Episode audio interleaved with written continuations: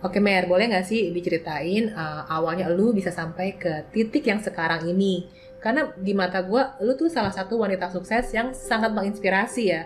Terus terang sih Den, untuk gue jadi si sukses ini tuh semua bukan karena kehebatan gue, tapi karena seizin Tuhan dan ini karena kehebatan Tuhan bukan karena hebatnya gue gitu Tin. Gue terakhir dari sembilan bersaudara yang notabene Lu sembilan gue sembilan bersaudara. saudara iya. Lu anak Gue keberapa? anak ketujuh. Oke. Nah, dan itu sangat sulit sekali ekonominya. Gue tinggal di rumah yang di pinggir bantaran kali, yang kalau udah banjir kebanjiran sampai sedada. Gue pernah di dunia garment, mungkin karena bos gue senang sama gue, kerja gue, kalau kerja gue nggak Hitungan. perhitungan lah gitu ya. Sampai gue pernah naik gaji empat kali dalam setahun. Hasilnya gue, gue bisa beli apartemen sama mobil. Tapi ada kendala lagi, Din. Kenapa lagi? Gue eh, jatuh sakit, parah banget. Gue jatuh sakit sampai gue lumpuh.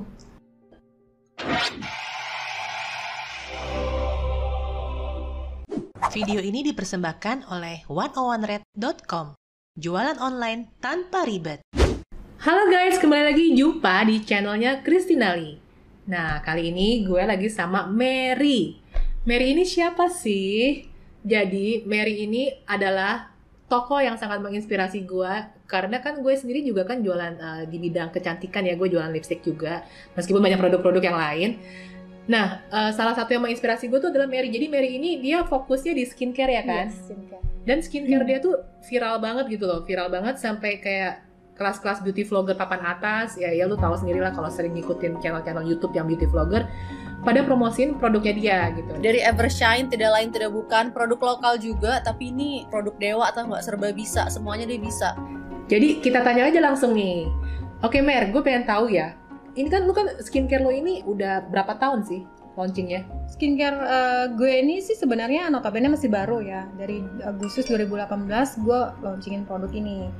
Cuman eh, karena skincare gue ini mungkin satu hal yang sangat berbeda dari yang lainnya, jadi booming banget nih sampai sampai sekarang. gitu. Pasti awal-awalnya lu ada endorse ya buat brand awareness segala macam Iya, gitu. pasti eh, gue melakukan hal yang sama seperti brand-brand yang lainnya juga. Pasti melakukan yang namanya brand awareness, promosi dan sebagainya melalui endorse. Cuman lama kelamaan karena produk gue bagus buat mereka yang aku endorse pun sering kali mereka mempromosikan kembali berulang-ulang kali itu dengan gratis gitu. Wow, jadi Iya, bahkan mereka jadi langganan juga beli sendiri. jadi ibaratnya the product speak for Iya, ya speak for itself gitu loh. Jadi itu adalah produk yang menjual dirinya sendiri. Betul. Karena memang sih kalau kalian nanti juga punya produk gitu ya, ibaratnya kalau kalian believe in your product, kalian Mhm. percaya dengan khasiat produknya, sebenarnya eh, endorse itu memang buat brand awareness. Tapi kalau produknya jelek, mau di endorse kayak apa pun, orang sekali beli dan kecewa pasti kan nggak nggak mungkin repeat gitu betul, kan. Betul, Dan saking boomingnya sering kali kita PO dan mereka nungguin karena produk kita satu hal yang berbeda menurut pemakai-pemakai yang sekarang ini. Jadi langganan kita, wah ini berbeda banget. Gitu. Wow banget ya, semoga kita bisa collab ya. iya, Kita collab ya. Lume Color sama Evershine ya, Evershine. Oke. Oke Mer, boleh nggak sih diceritain uh, awalnya lu bisa sampai ke titik yang sekarang ini? Karena di mata gua, lu tuh salah satu wanita sukses yang sangat menginspirasi ya. Kalau yang kalian tahu kisah hidupnya sih, ini wajib banget dengerin, jangan sampai di skip deh. Terus terang sih Den, untuk gue jadi si sukses ini tuh semua bukan karena kehebatan gue, tapi karena seizin Tuhan dan ini karena kehebatan Tuhan bukan karena hebatnya gue gitu Tin. Karena kalau misalnya gue flashback lagi ke, ke kisah hidup gue yang waktu kecil, gue nggak nggak kepikir deh bisa sampai setitik ini gitu. Em, gue keluarga gue itu bukan keluarga yang kaya raya. Yang orang kalau berbisnis udah ada orang tuanya nih yang modalin gitu. Kalau gue nggak gue terakhir dari sembilan bersaudara yang notabene Lu sembilan gue sembilan saudara iya Lu anak gue anak ketujuh Oke. dan itu sangat sulit sekali ekonominya gue tinggal di rumah yang di pinggir bantaran kali yang kalau udah banjir kebanjiran sampai sedada Serius lu? Serius. Itu dari kecil, dari, dari lahir? kecil dari kecil ya terus kemudian rumah gue juga gubuk yang kadang-kadang kalau mungkin disenggol orang mungkin bisa patah kali dan rubuh Orang tua lu dulu itu dulu kerja apa? Nah, eh, karena orang tua gue adalah orang yang menginspirasi gue. terutama my, my, my mother. Itu benar-benar satu sosok yang luar biasa kuat banget menurut gua. Sembilan anak dia besarin. Jadi demi menghidupkan anak-anaknya dia tuh berkorban. Jadi jualan tutin jualan nasi uduk pagi-pagi. Dia harus bangun jam satu malam masak nasi uduk kadang-kadang kebanjiran sampai kebanjiran dia masak gitu sampai semalaman. Terus paginya dia harus jualin tuh nasi uduknya jam 9 tadi tidur sebentar tidur sebentar ntar dia bikin lagi dagangan apa gitu. Nah kalau siang gue udah pulang sekolah gue tuh sama emak gue yang jualan kue keliling. Gue dulu penjual kue keliling sebenarnya. Itu dari umur berapa tuh ya? Nah itu sekolah SD tuh gue jualan kue keliling gue bantuin orang tua gue. Jadi di saat gue sering bantuin mak gue jualan kue keliling tuh gue selalu berikhtiar di hati gue, mah suatu saat aku akan membuat kamu nggak seperti ini. Aku akan bahagian kamu. Jangan sampai seperti ini. Dan aku udah dewasa nanti pokoknya mama nggak boleh capek-capek kayak gini. Harus cari uang seperti ini kerasnya gitu. Jadi mama gue tuh sangat menginspirasi banget kalau kita tuh nggak boleh jadi orang yang lemah. Dan mama gue selalu berpesan, kita nggak boleh nginginin barang orang. Waktu dari kecil mak gue selalu ngedoktrin anak-anaknya, ada mainan ketinggalan aja punya temen, pulangin, pulangin. Karena kita udah diajarin, kita harus hidup jujur, nggak boleh namanya nginginin barang orang lain. Pokoknya harus benar-benar jadi orang tuh yang baik. Jangan sampai kita tuh yang namanya nyakitin orang, makan hak orang, atau gimana doktrin terus dari orang tua. Dari kecil seperti itu akhirnya lu sampai kuliah atau SMA segala macam gitu. Eh, karena keuangan yang cukup minim dan gue juga dari SD karena ingin kalau gue mau lagi jajan lebih nih, emang gue emang hobinya jualan kali ya. Mungkin tercipta dari mak gue yang tukang jualan gitu. Gue hobinya udah jualan, jadi gue ngakal-ngakalin diri gue kalau misalnya gue mau jajan lebih nih, eh, gue berusaha jualan juga. Contohnya gini, gue liat tetangga gue bisa bikin anyam-anyaman itu tuh yang karet. Lu pernah lihat nggak yang karet pakai benang apa namanya jarum apa ya hakpen gitu? Hmm. Jadi ikat rambut gue lihat tetangga gue pinter bikin kayak gitu. Langsung tuh otak gue kepikir tuh gue kalau bisa bikin itu gue bisa jualin nih ke emak-emak yang nunggu anak-anak sekolah gitu. Gue liatin sampai bisa terus gue bilang gini mah minta uang jajan lebihannya dikit gitu. Aku mau beli benang sama jarum. Gue naik metro mini din. Ke Grogol gue beli benang sama jarum. Bener gue bikin dari karet gelang mak gue buat ngikat nasi uduk itu gue bikin. Terus ya puji Tuhan tuh laku gitu terbentuknya itu sih jiwa lo dari kecil emang udah terbentuknya strong Tukang banget, iya. gigih banget. bener dan memang sih proses kehidupan ya zaman itu dan akhirnya gue gue nggak bisa sekolah tinggi kan lu tanya gue sekolah tinggi atau enggak gue nggak nggak sekolah tinggi gue cuma sampai lulusan SMK itu pun udah lumayan banget Nah terus dari situ apakah lo langsung uh, dagang atau lo kerja dulu sama orang? Enggak ya, gue proses hidupnya gue juga kerja dulu. Pertama kali gue lulus SMK, gue langsung kerja jadi freelance di biro jasa gitu. Terus gue kerja jadi uh, admin di biro jasa. Terus kemudian gue diterima di satu garment industri. Empat tahun gue digembleng. Lu bayangin kan, di garment tuh zaman dulu tuh keras-keras banget orang-orangnya. Diomelin segala macem. Gue dimulai dari karir gue di garment tuh low banget Sebagai apa? sebagai follow up doang gue bener-bener yang namanya dari bawah gembleng tapi setiap gue diomelin digembleng gue harus bertahan gitu loh. Karena gue nggak ada nggak ada jalan lain gue harus kerja lah kayak gitu. Tapi setiap gue digembleng gitu gue cuma serahin sama Tuhan.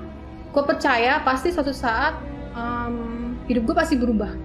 Nah terus gue terinspirasi juga sama manajer-manajer gue gue suka liatin mereka sampai gue menghayal nih. Emang kalau sukses sebenarnya sih harus punya impian benar juga kata kalau Tommy Wong ya. Kita harus punya impian semuanya. Gue tahu kalau gue mau jadi manajer, mau jadi seseorang yang lebih naik di atas gue, itu harus mempunyai tingkatan eh, pendidikan di atas SMK. Karena di perusahaan gue itu untuk menjadi posisi yang lebih di atas itu harus yang eh, D3 minimal ataupun S1. Sedangkan gue SMK gitu. Makanya gue 4 tahun cuman dalam keadaan di perusahaan itu gue cuma jadi seseorang follow up aja gitu. Nah, sama gue kerja itu gue berusaha yang namanya memberikan yang terbaik dan gue uh, belajar dari bawah gitu, belajar yang namanya uh, bagaimana mengenai kain, fitting dan sebagainya dan, dan gue selalu ngelihat ke atasan-atasan gue, one day gue akan seperti kalian posisinya. Gue punya impian kayak gitu. Terus kemudian dengan berjalan dengan waktu, akhirnya gue uh, pindah ke perusahaan lain dan memang karena udah berpengalaman, uh, gue naik jadi jabatan naik di atas posisi yang memang di atas yang sebelumnya gitu. Walaupun Walaupun gue cuma SMK, jadi mereka melihat pengalaman. lo pengalaman gitu. Karena hidup ini proses ya ternyata ya. Ternyata Tuhan tuh udah membuat uh, rancangan-rancangan itu tuh walaupun kita tuh jangan ngeluh lah intinya dari walaupun kita mulai dari bawah kita nggak tahu nih kan hidup ini kayak skrip film nih jadi kalau lu lagi dibentuk dari bawah jangan terlalu banyak ngeluh percaya aja deh Tuhan tuh pasti punya rencana yang indah endingnya tuh lu bakal ditaruh di mana. Jadi tuh kayak loncatan-loncatan. Lu ditaruh di sini buat nanti lu terima yang terbaik nih lagi di sini gitu. Ntar di sini lu terima lagi di sini. Kayak perjalanan pekerjaan gue juga gitu. Dari gue follow up sampai gue jadi merchandiser terus kemudian sampai gue akhirnya menjadi seorang asisten manajer marketing. Gitu nggak? Nggak kebayang banget seorang yang lulusan SMK tuh bisa di posisi yang lumayan bagus di dalam dunia garment. Dan saat gue naik di posisi step-step itu uh, karena kita dari bawah malah kita lebih berisi gitu. Dan jadi kalau selama hidup gue bekerja gue selalu memberikan yang terbaik. Gue udah terbiasa memberikan yang terbaik di perusahaan. Gue nggak pernah nuntut gaji naik. Gue Oh paling iya? anti. Hmm. orang tuh bisa datang nih ya bos naikin gaji. Kalau gue nggak berani gue merasa diri gue siapa sih gitu kan. Tapi yang yang kedua adalah buat apa naikin gaji? Kita minta naikin gaji tapi performance kita tuh belum kita perbaiki jadi gue cuma bisa memberikan yang terbaik. Bekerja dengan baik sampai bos lu merasa seneng. Kalau jadi seorang karyawan itu kalau jadilah karyawan yang ngangenin gitu ngangenin bos lu. Jangan ngangeninnya yang nyebelin tapi ngangenin karena karya-karya dalam pekerjaan lu sangat diakui oleh bos lu. Kalau lu udah menjadi berikan yang terbaik tanpa lu minta Tuhan juga bisa pakai siapa aja untuk mengetuk pintu hati bos-bos lu loh untuk memberikan yang terbaik juga gue pernah di dunia garment mungkin karena bos gue senang sama gue kerja gue kalau kerja gue nggak nggak yang namanya perhitungan perhitungan lah gitu ya sampai gue pernah naik gaji empat kali dalam setahun di dalam dunia pekerjaan gue tuh gue udah sering yang namanya dulu dunia MLM tuh banyak banget tuh heboh heboh banget kan MLM Mhm. membakar impian gitu Iya, segala iya. macam gue sempet kepincut yang namanya mungkin MLM lah satu-satunya yang akan eh, memberikan impian gue jadi kenyataan gue bisa beliin mak gue rumah gue bisa bisa ngurusin mak bapak gue tanpa mak gue harus bekerja kembali gitu. Gue ngikut tuh MLM sambil kerja. Sampai akhirnya pernah berhenti kerja cuti kerja gitu eh, sekitar setahun kerjaan gue cuman jalanin multi level marketing dan gue keliling kota. Karena saat itu kan posisi kan leader ya harus men-training jadi gue Gila, lu men-training. akhirnya jadi leader. Iya gue keren banget ya. Hasilnya gue ada sih MLM tapi nggak sampai yang wah Iya, banget. iya. gue bisa beli apartemen sama mobil satu dari hasil MLM semua itu gitu. Dan tapi itu kerja keras banget. Gue mesti keluar kota ke mana-kemana gue bayangin naik kereta sendirian bawa gembolan bawa slide projector sendirian gue naik kereta antar ke Kediri ntar ke Surabaya ke mana begitu. Sendirian. Dan gue kalau udah di luar kota tuh di tag sama downline gue tuh bisa presentasinya tuh dari pagi sampai malam. Jam satu baru pulang mandi. Pagi lagi tuh kita pergi lagi. Demi mencapai impian itu. Gitu. Gue pengen taraf hidup gue lebih baik. Em, tujuan gue ya bahagian orang tua gue juga sama bantu saudara gue yang susah. Karena saudara gue kan banyak yang lebih di bawah gue gitu. Karena dengan gaji yang gue miliki kadang-kadang masih kurang untuk bantu mereka. Untuk bantu mereka bantu mama gue dan sebagainya. Saya doang karena gue nggak mau main MLM lagi gue udah pasrah hidup gue ya udahlah emang gue jadi pekerja doang sampai sini ya sini aja gitu kan. Nah itu gue keluar ketemu tuh perusahaan baru lagi garment gue seneng dong dapat perusahaan baru garment terus eh, seorang bos yang baik juga gitu. Terus karena gue ngeliat perusahaannya agak berantakan nggak ngerti sistem gitu gue rapiin tuh perusahaannya tuh tin gue sih susun-susun sistemnya biar semua orang kalau ngeripet tuh ngeling-ngeling gitu. Jadi gue membawahi beberapa orang di situ. Tapi ada kendala lagi tin kenapa lagi? Gue eh, jatuh sakit. Parah banget. Gue jatuh sakit sampai gue lumpuh. Iya jadi awalnya tuh rasanya pinggang gue panas-panas terus ya gitu. Eh, penyakit gue itu kayak nyerang gue dadakan gitu gitu. Sampai sampai gue nggak tahu harus bagaimana harusnya gue akhirnya gue di MRI ternyata dokter bilang menemukan dua lumbal gue keluar. Dokternya bilang begini ini bakalan sakit banget. Kamu ada asuransi nggak? Nggak ada dok. Aduh ini kalau dioperasi ratusan juta dan resikonya lumpuh. Katanya begitu. Udah nggak ada asuransi karena kan baru-baru gue bayar asuransi buat makan pas-pasan sebulan juga udah syukur gitu kan. Selama gue masih sakit gue belum parah banget gue berusaha masuk kerja. Akhirnya gue bilang gini bos gue keluar dulu deh. Gue sakit. Bilang kayaknya pinggang gue udah nggak bisa di- diajak. Ini gue nggak tahu nih kenapa gitu kan. Terus akhirnya bos gue nggak percaya kalau gue mau keluar gara-gara sakitin lu jangan keluar deh katanya gitu. Udah ada lu kerja aja masa sih lu sakit? Iya bos gue nggak enak banget ini pinggang gue nggak enak banget bos. Kayaknya ada sesuatu deh yang aneh di pinggang gue ini gitu kan.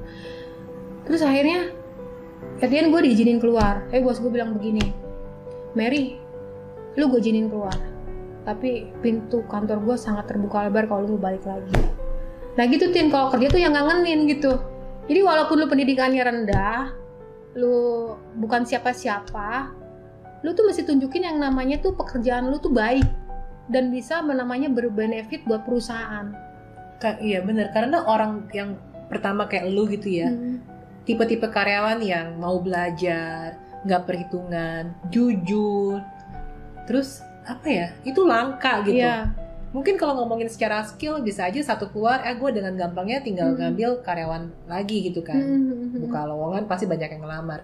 Tapi mencari karyawan yang bisa dipercaya yang secara kerjaan itu kita tahu kalau kita percaya kerjaan kita ke dia itu pasti beres aja. Betul. Itu susah gitu loh. Nah gimana sih biar kita tuh menjadi orang yang berbeda dengan yang lain ya itu tunjukkanlah Iya. sebaik mungkin ya tunjukkan kan prestasi jangan berpikir ah ya udah gaji gue cuma segini mau ngapain? Jangan pikirin itu.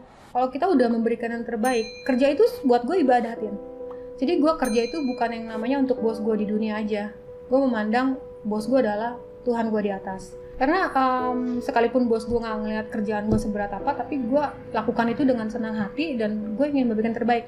Dengan kita memberikan yang terbaik kita tuh kayak mendukakan Tuhan gitu menyentuh hatinya gitu loh. Eh ternyata anak gue nih rajin ya. Lu bisa dapat bantuan dari mana aja gitu. Nanti lu bisa bos lu disentuh hatinya untuk naikin gaji lu apa atau apalah kayak gitu atau berikan lu bonus atau gimana. Itu udah banyak banget sering banget yang gue ngalamin gitu. Gitu karena gue tahu hidup ini harus berproses dan gue nggak mau sampai ngeluh eh, banyak nggak mau terlalu banyak mengeluh dan gue yang lakukan do the best lakukan lakukan yang terbaik lakukan yang terbaik itu aja terus akhirnya setelah itu kan lu beneran lumpuh nggak bisa jalan Iya, jadi gini Tin, akhirnya gue keluar dah ya. Keluar itu masih bisa Keluar, jalan, masih kan? bisa jalan gue keluar. Iya. Gue parah-parahnya sebulan setelah keluar. karena lu uh, tidak treatment lah ya karena Iya, karena gue nggak jangan nggak nggak sampai sampai mengira separah itu gitu. mau operasi mahal lagi Iya, mahal nggak ada duit gitu. Terus akhirnya gue sebulan setelah keluar dari kantor gue, gue mengalami yang namanya kayak orang sekarat kali ya. Sakitnya luar biasa itu Tin. Jangan sampai deh orang ngalamin yang namanya kayak gue gitu. Dan itu berkali-kali itu terjadi. Gue ngerasain sepanjang hari seperti itu.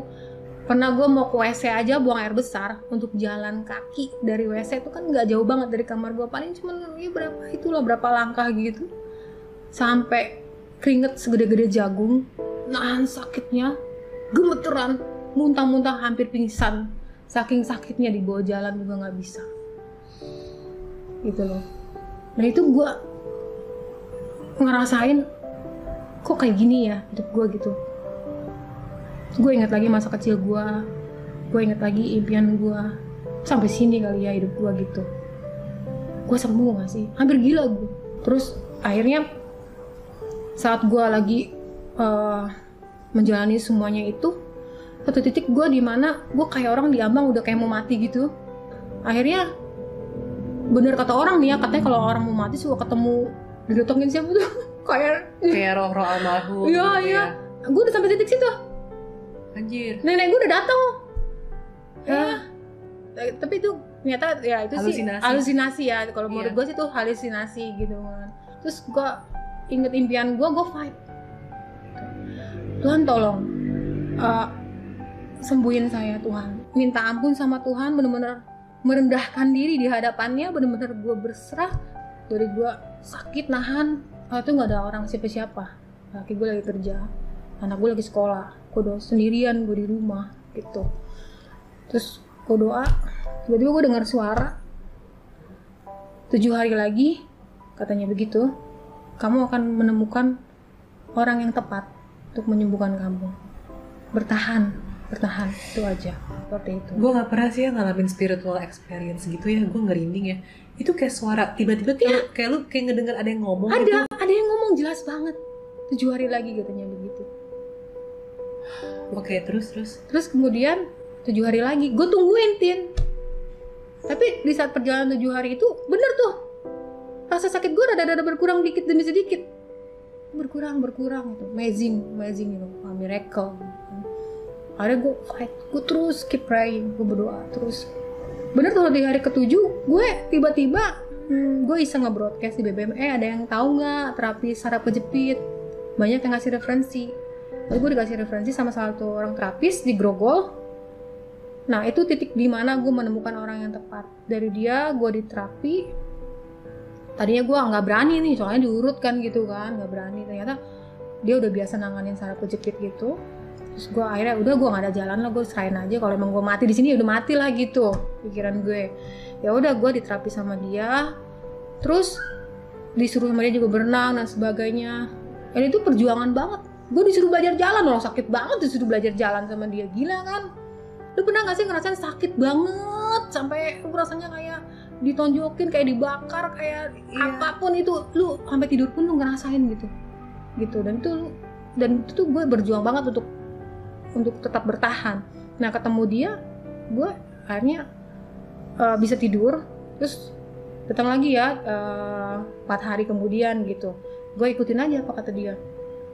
Terus udah gitu diajarin sama dia gue step step stepnya kayak gimana. Dan dari situ tuh titik di mana akhirnya gue bisa uh, dari gue cuman tiduran selama tiga bulan itu juga tiduran tuh tiga bulan tin. Natapin langit-langit aja. Sampai akhirnya gue bisa yang namanya suruh berjemur gue suruh latihan jalan sama dia supaya kaki nggak lemes.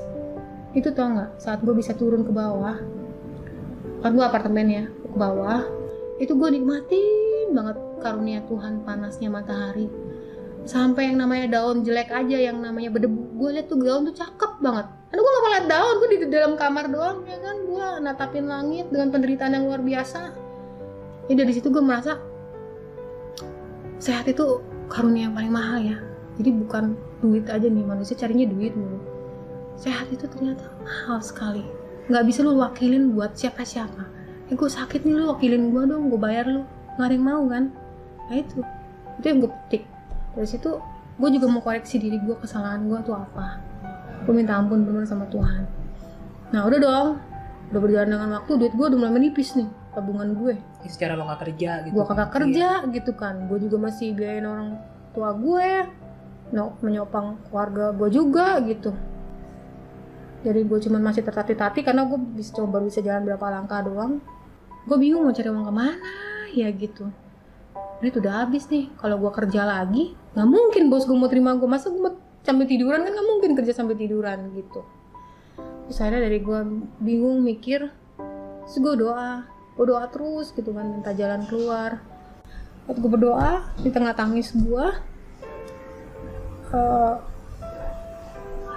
aku tuh nggak bisa apa-apa. Jadi doanya tuh kayak gimana Tuhan? Aku tuh nggak bisa apa-apa. Aku masih kerja apa? Gitu loh.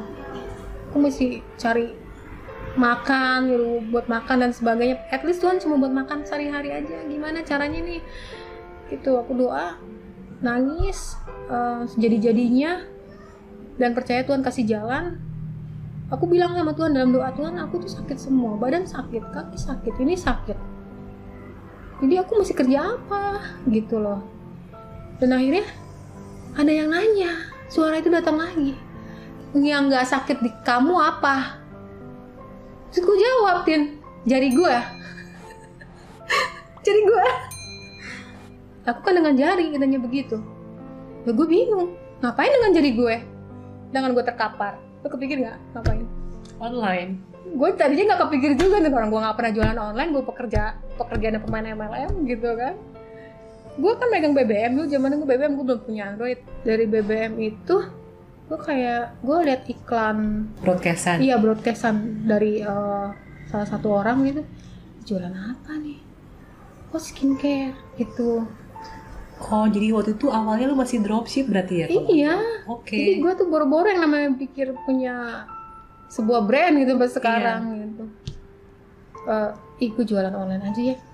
Iya juga ya, gitu gue jualan online deh gitu kan. Gue dropship. tapi lu nyari-nyari customernya mungkin masih lingkungan teman-teman Iya dulu masih lingkungan di ya. situ gitu kan. Kan dulu gue pemain MLM nih banyak member-member juga di handphone gue itu BBM. Jadi gue pasang status, ubah status, gue ambil dari orang itu. Eh gue, gue ikutan jualan boleh nggak gitu? Boleh. Gue dropship ya, dari dropship doang. Jadi gue tiduran doang, tin. Orang teman-teman gue nggak tahu kalau gue lagi sakit. disangkanya gue tuh sehat aktif kerja terus gue jualan dia nggak tahu gue sakit yang parah banget lah ada yang tahu tapi nggak tahu sampai gue parah kayak gitu gitu lumayan tuh buat makan hari-hari tuh dropship dropship gitu gua. terus lama kelamaan tuh eh, rame tuh lumayan dari BBM aja rame. Kan dropship kan kalau harga kan kalau dropship kan lebih mahal ya ketimbang lu nyetok kan. Akhirnya dari keuntungan yang gue beli yang dari gue dropship dari gue beli HP bekas Android itu terus gue beraniin diri nyetok lusinan. Gue gulung keuntungannya lusinan. Terus udah gitu kan lu tau dong gue sakit parah. Nah, itu gue berjuang banget orang gue balesin BBM gue berusaha. Emang kan kata terapis gue kan gue kudu bergerak juga jangan tiduran mulu ntar kaku jadi gue berusaha sambil terapis sambil gue making. Gue bungkusin bubble. Ya gue baking sendiri jawabin BBM sendiri Sambil gitu. tapi lu tapi lu udah bisa duduk duduk Ah, lama bisa. tertati-tati enggak ntar ntar gue duduk dikit ntar gue tiduran lagi ntar gue packing lagi satu-satu krek krek gitu. Satu-satu gitu terus gila. iya gila. sampai udah keringetan gitu gue udah sakit gemeteran gue tiduran lagi. Demi supaya gue tuh dapat lusinan gue kan nggak ngirim lewat dropshipan dari orang. Iya, karena untung nyetok iya kan, untung banyak untungnya lebih lumayan lah gitu. Nah dari situ gue naik tuh penjualan gue dari lusinan sampai gue bisa jual ratusan pieces. Wih, gila. dan gue ya berjuang lah eh, untuk gue makan lah. Gue emang nyari buat makan aja sih saat itu. Berjuang. Makanya gue suka heran sama orang-orang yang masih sehat aja ngeluh gitu. Gue aja sampai ngerintih-rintih gue tetap mau berjuang. Lu masih sehat pasti potensi lu lebih banyak daripada gue gitu. Nah udah tuh skincare skincare itu gue jalanin gue jualin tapi sayangnya skincare itu susah banget stoknya. Karena dia booming ya sekalipun gue jualan banyak pun terbatas. Akhirnya skincare itu tuh em, selalu kehabisan stok. Sehingga customer gue banyak yang kecewa mereka udah PO akhirnya mereka nggak bisa dapat eh, barangnya dengan tepat waktu. Nah saat gue lagi galaunya gimana nih kalau jualan kayak gini gitu ya? Nggak nggak stoknya nggak nggak nggak stabil gitu. Gue ketemu temen gue Hmm. yang jualan skincare juga. Dia dia ajakin gue jualan barang. Eh jalanin yuk skincare baru gue lu kan jualannya semangat nih pinter kata dia gitu.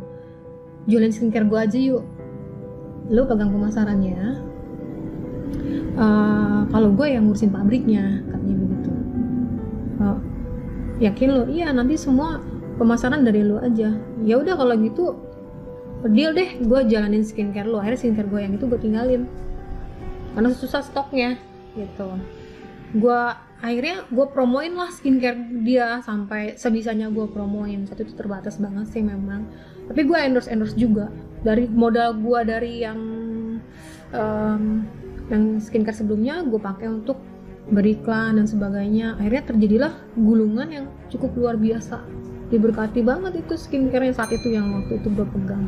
Gue bisa dapat distributor dan kemudian gue didik mereka. Gue yang uh, menyediakan bahan-bahan jualannya untuk mereka baik foto produk model maupun caption captionnya gue kasih ke Marketing kitnya. iya, marketing kitnya agar tiap hari mereka bisa berkembang gitu akhirnya booming dan uh, luar biasa dari skincare ini gue akhirnya bisa uh, punya kesempatan mewujudkan impian yaitu beliin mama papa gue tuh rumah Wow banget dan ya. uh, gue belinya cash loh pin Lu beli cash. cash gue gue pegang utang karena gue takut ngutang karena kondisi hidup gue nggak mau nggak nentu kesehatannya jadi gue nggak mau ngutang takut lah gue nanti kalau kenapa-napa siapa yang ngurusin Gila ya perjalanan hidup lu tuh dari SMK, gaji Hmm. berapa. Gila. Ya terus terus. iya gue emang khusus beliin supaya mama papa gue itu punya rumahnya agak besar dan punya space agar bisa ngumpul sama anak-anak cucunya kalau lagi liburan gitu ya di situ dobrakan wow amazing banget ya. Ternyata tuh jalan Tuhan tuh pasti selalu terbuka. Apalagi kita kan tujuannya baik ya. Hidup kita berusaha seluruh mungkin lah dalam hidup ini. Pokoknya intinya jangan pernah ngeluh lah apa pun itu keadaannya. Pasti eh, kita harus belajar membaca. Ada rencana indah yang Tuhan kasih dari setiap masalah. Karena setiap mujizat itu tuh akan hadir kalau lu dalam menghadapi masalah dulu dong. Nggak mungkin tiba-tiba mujizat tapi nggak ada nggak ada itunya kan masalahnya. Saat gue berjalan nih bisnis gue lancar gitu. Gue happy dan gue terus besar skincare-nya booming. Tapi di pertengahan jalan gue ngerasa something something wrong gitu. Kok kayaknya sesuatu hal yang telah terjadi di belakang. Gue tuh orangnya suka rada ngerasain gitu loh tin gitu. Nggak tahu kenapa gitu ya. Ada sesuatu nih gitu. Karena gue selalu bawa bisnis gue dalam doa doa doa gue setiap hari setiap pagi gue duduk setiap subuh gue memuji dan menyembah. Kalau orang muslim mungkin sholat subuh kalau gue juga doa subuh gitu. Gue doa di situ gue dengar suara lagi tuh. Ada suara stop beriklan itu bukan buat kamu lagi. Something wrong gitu. Karena memang abis itu gue diiringi dengan keadaan distributor gue itu jarang ngambil sama gue lagi yang distributor yang gue didik itu yang udah jadi. Distributor gue tuh dari nol loh ada yang pekerja pabrik sampai dia bisa beli rumah. Ada yang eh, nggak punya apa-apa gue didik sampai dia bisa beli rumah cash juga 500 juta. Ada yang bisa beli mobil gue didik mereka gitu. Gila. iya gitu. Dan gue gue tuh happy. Jadi tuh hidup tuh kayak gitu. Kita harus punya eh, buat gue kesuksesan itu kalau gue bisa menciptakan orang tuh sukses. Berubah hidupnya lah paling enggak dari yang nggak punya apa-apa sampai punya apa-apa. Bahkan ada yang testimoni saya terima kasih banyak ya. Saya dulu kalau beli apa-apa tuh mikir sekarang beli kulkas aja cash katanya. Pegawai pabrik. Sampai dia akhirnya nggak kerja di pabrik lagi. Dia eh, jualan nama gua di skincare itu gitu loh. Dan itu buat gua terharu banget testimoni kan banyak banget tuh mereka kasih foto. Itu dari hasil jualan itu. Dan gua happy banget bisa membentuk orang tuh punya sesuatu gitu. Karena gue juga ngerasain gimana nggak punya apa-apa sampai punya sesuatu dan itu kebahagiaan gue bisa membentuk orang jadi lebih sukses gitu. Dari zero sampai sesuatu gitu. Nah dari situ distributor gue kenapa jadi pada turun nih ya penjualannya gitu. Akhirnya dengan gue uh, berjalan waktu gue instingnya jangan-jangan sesuatu gitu kan gue tanyain eh kenapa menurun? Biasa lah kita kan follow up dong ya eh, ada kesulitan apa? dan sebagainya. Kita tanya oh begini cek gini gini gini gini gini gini gini. Gitu. Ada aja alasannya. ada aja alasannya. Ada yang beginilah ada yang jualan import lah apa segala macam. Oke nggak apa-apa. Terus em, kemudian temen gue juga tanya omset lu ke mana nih? Kok turun? Nih temen gue itu nanya kamu turun gitu kan. Nggak tahu.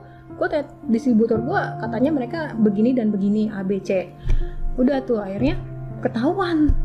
Bener ternyata mereka diem-diem direct ke temen gue itu. Gitu. Kok bisa sih?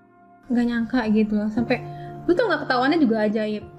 Jadi eh, ada orang biasa lah kalau skincare kan cocok-cocokan. Jadi ada orang komplain ke gue kalau dia keke belinya sama gue saat itu dia bilang eh, saat gue tanya ibu kartu anggotanya mana? Terus bukti transfernya mana? Karena ibu nggak ada record di sini. Saya pengen tahu dan biar resellernya menangani kasus ini gitu kan. Jadi pas gue lihat ternyata bukti transfernya ke distributor gue tapi nomor anggotanya dari bukan kartu anggota gue ke situ ke temen gue gue bingung kenapa distributor gue bisa dapat kartu anggota bukan dari gue keluaran gue tapi dari keluaran temen gue akhirnya nggak bisa mengelak lagi. Dan itu ketahuannya setelah berapa lama setelah lu dapet bilang jangan iklan itu cepet ya seminggu. eh nggak seminggu sih ya. Dua bulanan gitu gitu. Jadi gue cari tahu kenapa sih gue nggak boleh beriklan lagi? Dan diiringi dengan turunnya dropnya tuh kayak hujan. Kalau hujan kan ada rintik-rintiknya Iya, dulu iya, ini langsung iya. des ngilang gitu. Dan akhirnya eh ketahuan. Mungkin karena uang ya gitu. Uang maksudnya um, ya kalau dipikirin kok gitu kok bisa sih gitu. Gue selama ini kan gue nggak nyakitin lu gue bantuin lu, lu orang gitu. Dari lu tuh nggak punya tabungan sampai lu pamerin testimoni terima kasih lu terus bisa dengan begitu aja gampangnya hilang gitu dengan meninggalkan gue gitu. Dan memang katanya sih eh, akhirnya gue ngomong ke temen gue "Eh, kenapa lu lakukan ini? Cuman jawabannya kayak tidak begitu mengakuinya dan tidak apa-apa sih gue udah maafin dia. Gue sempet nangis gitu. Akhirnya gue bangkit. Gue nggak nggak harus nah jangan sampai nangis terus dan gue nggak bisa gue nggak jaga hati gue agar nggak pahit nggak sakit hati. Karena gue tahu kalau gue sakit hati yang yang rugi tuh gue lu nggak mungkin bisa bangkit dengan sakit gitu. Lu harus bangkit dengan memaafkan diri sendiri. Maafin diri sendiri dan memaafkan orang lain. Baru lu bisa menata masa ke depannya. Gue konfirmasi ke temen gue uh, gue tetap komunikasi sama dia walaupun dia nggak mengaku secara langsung. Gue tetap jalin hubungan sama dia. Kalau emangnya gue bilang sama dia ya udah kalau emangnya kamu mau distributor saya ambil aja. Saya kasih distributor saya semuanya sama dia malah semua ya udah ambil aja. Aku ngelayanin yang kecil-kecil aja nggak apa-apa jadi dari gue yang tadi yang ngebawain semua distributor dan itu distributor gue yang cari juga gue kasih ke dia. Semuanya ambil aja. Gue bukannya bego atau emosi cuman gue gue senangnya gue lebih senang mengalah ketimbang harus yang namanya gontok-gontokan gitu satu hal yang emang bukan jadi rezeki gue lagi ya udah buat apa? Buat gue pasti Tuhan kasih gantiin lagi. Karena aku cuma yakin aja kalau Tuhan pernah angkat gue dari sakit sampai gue punya sesuatu dan gue yakin suatu saat gue bakal diangkat lagi sama dia. Gitu aja yang gue yakinin. Kalau nggak mungkin Tuhan tuh selalu apa uh, turunin gue. Pokoknya ini pasti ada sesuatu hal yang memang ada rencana baik yang Tuhan kasih gue setelah ini. Gue gitu. Gue cuma menanti ada apa lagi ya Tuhan? Kau kasih saya. Oke okay, di saat ini part ini aku harus ngampunin orang. Maafin orang dan gue cuma yakin Tuhan pasti kasih hadiah yang terbaik buat hidup gue setelah ini gitu. Akhirnya gue uh, gue nggak ninggalin langsung. Gue tetap masih jualan kecil-kecilan ngelayanin konsumen dengan keadaan distributor gue masih belanja sama mereka gede-gedean oke okay, gitu. Jangan dengan waktu akhirnya gue mikir ya udah mungkin apakah gue ciptain brand sendiri? Gitu loh. Udahlah kalau emang begini ya udah gue harus bangkit dong gitu. Akhirnya gue pelan-pelan uh, merambah menciptakan brand sendiri dengan konsep emang gue juga punya impian uh, pengen satu hal apa skincare yang berbeda. Dan lu juga lu lu bisa dapat akses pabrik-pabrik lagi karena lu cari tahu atau lu dari koneksi ada aja jalan Tuhan lah ibaratnya lu dipertemukan sama yang baik iya. produsennya kayak gitu. Dan uh, gue sih searching ya karena skincare gue konsepnya memang agak berbeda banyak pabrik yang nolak nggak bisa gitu karena gue maunya yang natural paduannya mana paduan ingredients yang natural punya. Gue ketemu satu pabrik gue searching dan gue develop. Di situ lama sekali. Gue bener-bener mau skincare gue tuh yang emang bisa ngobatin gue nih. Kalau muka gue yang hancur parah dan jahan namanya bisa kenapa orang lain pasti bisa gitu? Jahan iya loh. Kadang-kadang gue sampai desperate-nya kayak gimana ya? Sampai kadang-kadang kalau bisa muka gue taruh di kolong meja gue bisa nitip nggak gitu muka gue soalnya hancur banget parah gitu. Itu banyak karena acne prone itu ya kena angin aja jerawatan ketoel aja jerawatan gitu. Jadi udah udah susah banget karena jenuh kulitnya kebanyakan pakai bahan-bahan yang berbahaya. Dulu kan kita nggak ngerti gitu kan waktu zaman gue sakit lepas nggak pakai apa-apa baru tuh ketara. Pakai apa aja nggak bisa gitu. Nah akhirnya gue dari situ kemudian bisa mempunyai skincare dengan konsep gue sendiri dan brand gue sendiri. Sampai sekarang dan uh, amazingnya karena ini juga karena berkat Tuhan ya bukan karena hebatnya gue gitu. Skincare gue baru launching 2018 tahun kemarin itu udah booming gitu cepet juga dan uh, buat gue amazing. Dan ini amazing kenapa? Karena uh, banyak banget memberkati orang dengan wajahnya yang parah-parah gitu bisa teratasi dengan akhirnya testimoni datang testimoni sendiri, dengan gitu datang, ya. datang sendiri dan mereka tuh loyal banget gitu. Customer customer tuh loyal banget ngasih testimoni secara honest.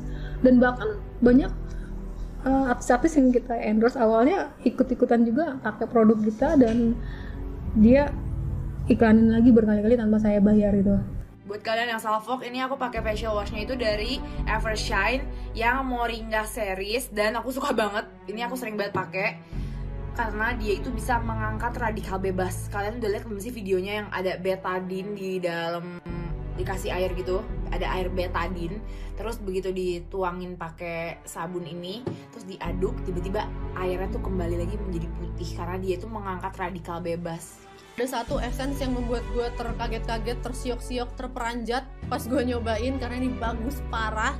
Ini dari Evershine, gue juga baru tahu brandnya tahun ini. Ini yang uh, Refresh Toner Essence Moringa.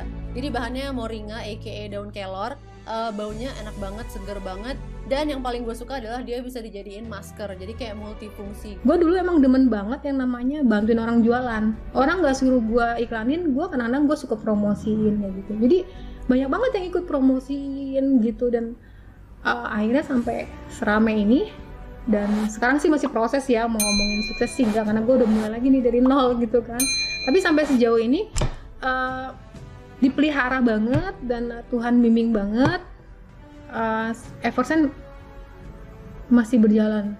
Gue percaya nih bakal jadi pengganti yang telah hilang. Dan sekarang sih udah balik bukan yang ngomongin apa yang diambil tuh udah balik dan Mantap. iya dia ngambilin uh, dari selama ini itu berapa ya kalau ngomong adalah gitu berapa keuntungan gue gue udah hitung kalau diambil di gue kasih distributor gue gue tahu lu dapat uang itu berapa nah, itu berkali lipat udah balik gue Terus sekarang gimana tuh kabar dia? oh ya gambarnya gini jadi uh, kalau gue orangnya nggak mau nyimpen musuh Iya. walaupun dia kayak nggak mau komunikasi jadi lebaran tahun kemarin gue ngucapin idul fitri dia nggak nyautin terus nggak tahu kenapa dari beberapa bulan setelah itu em, dia ada kontak gue lagi. Ya memang sih minta maaf lah pada ujungnya dan minta tolong. Gue denger rada turun gitu yang gue denger. Ih sekarang tuh pikir kadang tuh di luar nalar gua ya dia sebagai pusat punya distributor udah sebagus elu sedetermin lu segigi elu. Iya. Terus di backstep hmm. belum tentu padahal dia udah enak loh Iya, dia belum- belum- ngapa-ngapain udah support system dari gue semua gitu belum tentu orang-orang yang ngerti kan yang Hmm. yang yang akhirnya diambil sama dia itu kan setekun lu kan Hmm, hmm, hmm, dan hmm. belum lagi dia mesti ngebina lagi Betul, betul. nyiapin foto lagi mungkin akhirnya yang tadinya lu udah endorse artis dia lagi endorse endorse keluar biaya lagi Hmm, hmm, hmm. itu sih agak ya ya kadang tuh duit itu ya orang kalau serakah tuh membutakan mata lah Iya.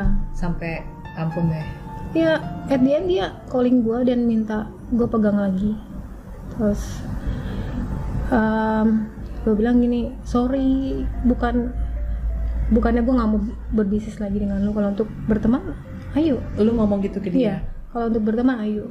Kan gue juga. I forgive but I cannot forget yes. Iya. Tapi gue nggak dendam sama sekali sampai gue gue selalu bawa dia di dalam doa Tuhan ampuni dia dan berkati dia sih dan eh, itu sempet dia bilang gue ingat lu terus belakangan. Ya gue bilang emang gue selalu bawa lu dalam doa. Gue bilang gitu. Gue minta lu diberkati dan eh, biar lu juga lancar walaupun tanpa gue yang ada di belakang lu lagi. Dan dia hubungin gue dan dia sempat bilang bisa nggak pegang brand gue lagi? Karena semenjak lu nggak pegang turun jauh banget kayaknya begitu. Masa sih? Iya kayaknya brand gue ini jiwanya jiwanya lu kalau ada lu mungkin rame lagi. Gitu memang sih sempat adminnya juga ada yang chat gue dia bilang Ci pegang lagi dong. Ya akhirnya gue bilang gini aku kalau konsultasi nanya aku pasti ajarin. Kamu nanya apa? Boleh aku bilang gitu.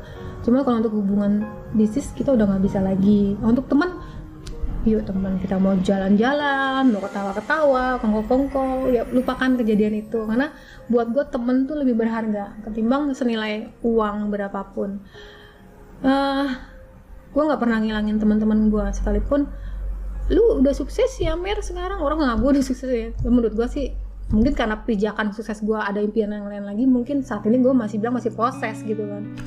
Tapi kenapa lu biasa aja sama semua orang penampilan lu biasa dan sebagainya? Kalau gue bilang ngapain gue harus berubah gitu? Yang kita harus rubah adalah saat lu udah diberkati Tuhan tuh lu harus inget em, apa namanya beramal gitu. Lebih lebih ke arah ngebantu orang-orang yang di bawah lu yang memang memang eh, di bawah lu yang butuhin gitu. Dan eh, puji Tuhan sih di tangan gue gue ada beberapa yayasan yang emang gue tanganin gitu. Jadi gue memang eh, bukan sekarang sih Mbak, dari zaman dulu emang gue senang banget karena gue orang susah kali backgroundnya. Jadi kalau ngeliat orang susah tuh gue kepengen aja ngebantuin gitu. Saya gak jarang nolak yang namanya orang minta bantuan gitu. Karena gue tahu gimana rasanya saat butuh orang butuhin uang ataupun lagi sakit terus nggak ada uang untuk berobat kayak gitu. Jadi ya udah sekarang kan gue udah berjalan lagi bisnis gue nih. Jadi gue bisa menyokong lagi beberapa panti asuhan yang emang lagi gue pegang gitu. Jadi intinya berbagilah. Eh, gue percaya dengan berbagi project itu akan terus ngalir gitu. Dan jangan lupa kalau emang lu udah sukses ataupun masih punya orang tua uh, bahagian orang tua lu selama orang tua lu tuh masih bisa jalan, masih bisa makan, nggak mesti yang harus jalan-jalan ke luar negeri atau ke mana pun. Ya bahagian mereka lah. Sekarang ini orang tua gue udah tua banget, jalan aja kakinya sakit, jadi gue terbatas bawa-bawa di jalan-jalannya, kayak gitu. Itu sih sejauh ini kisah dari kehidupan gue. Semoga Itu- menginspirasi. luar biasa banget ya itu sangat-sangat menginspirasi ya lo bayangin jadi kalau gua rekap lu dari SMK ya kan awalnya tukang kue tinggal di gubuk pinggir kali kebanjiran kebanjiran terus ya dari kecil dari SD jualan kue akhirnya bisa sekolah lulus SMK terus berjuang berjuang berjuang eh apa mau kerja juga berapa kali disirikin orang terus lumpuh lagi dari lumpuh terus berjuang bergerak jualan skincare malah ditikung pula sama temen sendiri yang produsennya. Sampai akhirnya bisa menjadi seperti sekarang. Itu adalah perjalanan yang menurut gue sih luar biasa banget. Iya. dan paling tips-tipsnya ya. Tips-tipsnya ya, terutama wanita. Eh, harus jadi seorang wanita yang kuat, jangan ngeluh. Eh, apalagi udah menikah ya. Yang kita bisa lakukan ya lakukan untuk mendukung pasangan kita, jangan terlalu banyak menuntut. Jadi wanita tuh jangan terlalu banyak menuntut. Lakukan yang kalian bisa lakukan. Terus kemudian em, kalau kamu mau jadi seorang karyawan, jadilah karyawan yang berkualitas, yang ngangenin bos-bos kamu saat kamu keluar, kamu dikangenin terus jangan perhitungan juga jangan perhitungan dalam pekerjaan lakukan yang terbaik itu aja sih terus uh, kalau kamu mau berbisnis seperti kami seperti Cici ini yang luar biasa keren ya harus punya apa ya? jiwa. Jiwa melayani dengan hati lah melayani sayangi customer hati. gitu loh. Terus udah gitu jangan mudah sakit hati. Karena sakit hati itu akan membakar impian kamu. Kebanyakan orang tuh mendem karena sakit hati. Gua sakit hati dengan si ini si ini. Akhirnya cuma mikirin kepahitan. Terus kemudian akhirnya potensi kamu yang harusnya untuk membangun uh, sak- um, ma- naik ke step yang berikutnya lagi kehalang dengan sakit hati itu. Jadi kalau mau sukses kamu harus satu mengampuni diri sendiri. Kan susah nih ngampunin diri sendiri karena gue goblok banget sih gue lakukan ini gue lakukan ini. Menyalahkan menyalahkan diri sendiri ya menyalahkan keadaan. Yang kedua mengampuni orang lain. Dan tunjukkan kesuksesan kamu tuh sama orang yang menganggap kamu nothing. Gitu. Itu kuncinya buat kamu ngebalesnya bukan ngebales buat dendam ya. Tunjukin aja kalau kita tuh bisa sukses Oke, thank you banget Mary. Keren banget kan? Semoga terinspirasi ya. Jadi uh, buat kalian juga yang sekarang ini masih dropship segala macam, ya gigih gitu loh. Mary itu berawal dari dropship terus sampai akhirnya bisa punya bisnis sebesar ini. Cumanya apa yang tadi udah lo simpulkan tuh udah perfect banget menurut gue. Jadi gitu aja. Thank you banget buat yang udah nonton sampai habis. Jangan lupa juga subscribe kalau kalian suka video ini kasih jempol juga. Dan jangan lupa juga pas udah subscribe klik lonceng. Jadi kalau saya ada upload video baru kalian dapat notifnya.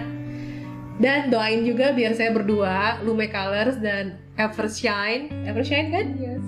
Bisa saling collab. Untuk doain ya. untuk bisa memberikan manfaat yang luar biasa juga buat para customer customernya nanti insyaallah. terima kasih banget. Saya Christina Lee. Dan saya Mary. Sampai jumpa bye. Bye.